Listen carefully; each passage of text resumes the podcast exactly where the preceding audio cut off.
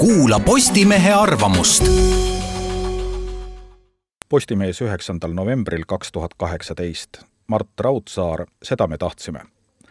nagu teame, on muutunud kahjuks ka Eestis tavapäraseks praktikaks see, et oma arvamust avalikult välja ütlevaid inimesi tabab varem või hiljem trollimine selle all pean silmas elektronkirju ja telefonikõnesid, kus sõimatakse ja ähvardatakse. seetõttu ei taha paljud inimesed avalikkuse väljale astuda ning eelistavad vaikselt tegeleda omaenda asjadega.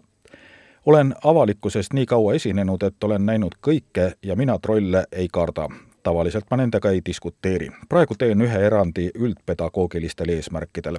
pärast mu viimast kolumni Kust sa tead, küsiti minu käest lisaks kõigele muule, kus ja kunas on otsustatud, et Eesti on valinud liberaalse demokraatia tee. olen jõudnud järeldusele, et see minu jaoks ilmselge fakt vajab avalikku selgitust, et A, kellelegi ei tuleks enam pähe midagi nii rumalat küsida, B, neil, keda sellise küsimusega rünnatakse, oleks une pealt vastus teada.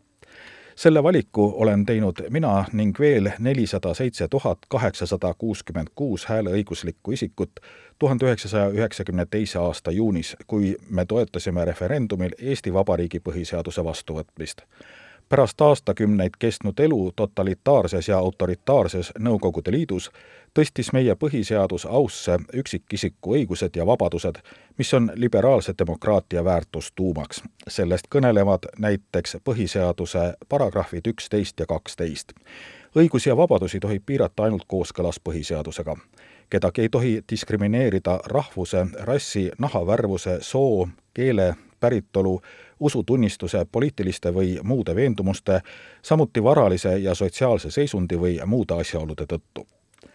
kuidas mõjutab öeldu sõnavabaduse rakendamist? mäletame ju, et ENSV-s tsenseeriti kurjategijate rahvust, kuna suure osa kuritegudest sooritasid sisserännanud toon meid puudutava näite hilisest elust, mis ehk aitab teha mõistlikke valikuid mõni aeg tagasi röövisid järjekordsed eestlased Soomes juveeliäri.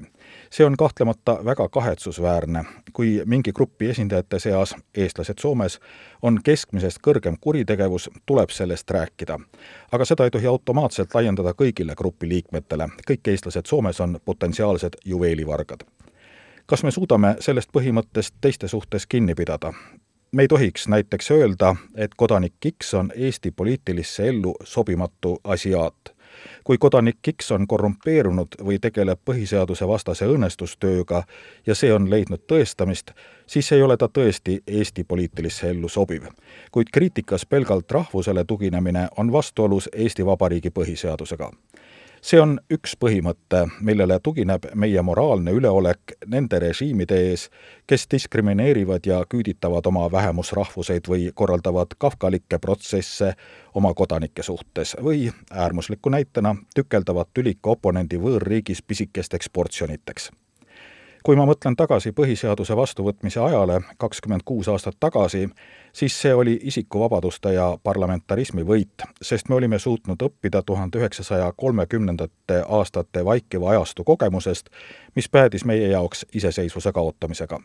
see oli meie valik asuda liberaalse demokraatia teele, mis austab isikuvabadusi, parlamentarismi, võimaluste võrdsust ja südametunnistusvabadust liberaalne ei tähenda sealjuures piirangute puudumist, nagu seda mõnikord vääralt tõlgendatakse. USA filosoof John Dewey on kirjeldanud nüüdisliberalismi üksikisikute laialdase koostegevusena ühiste eesmärkide saavutamiseks, mille käigus aga igaüks saab jõuda maksimaalse eneseteostuseni.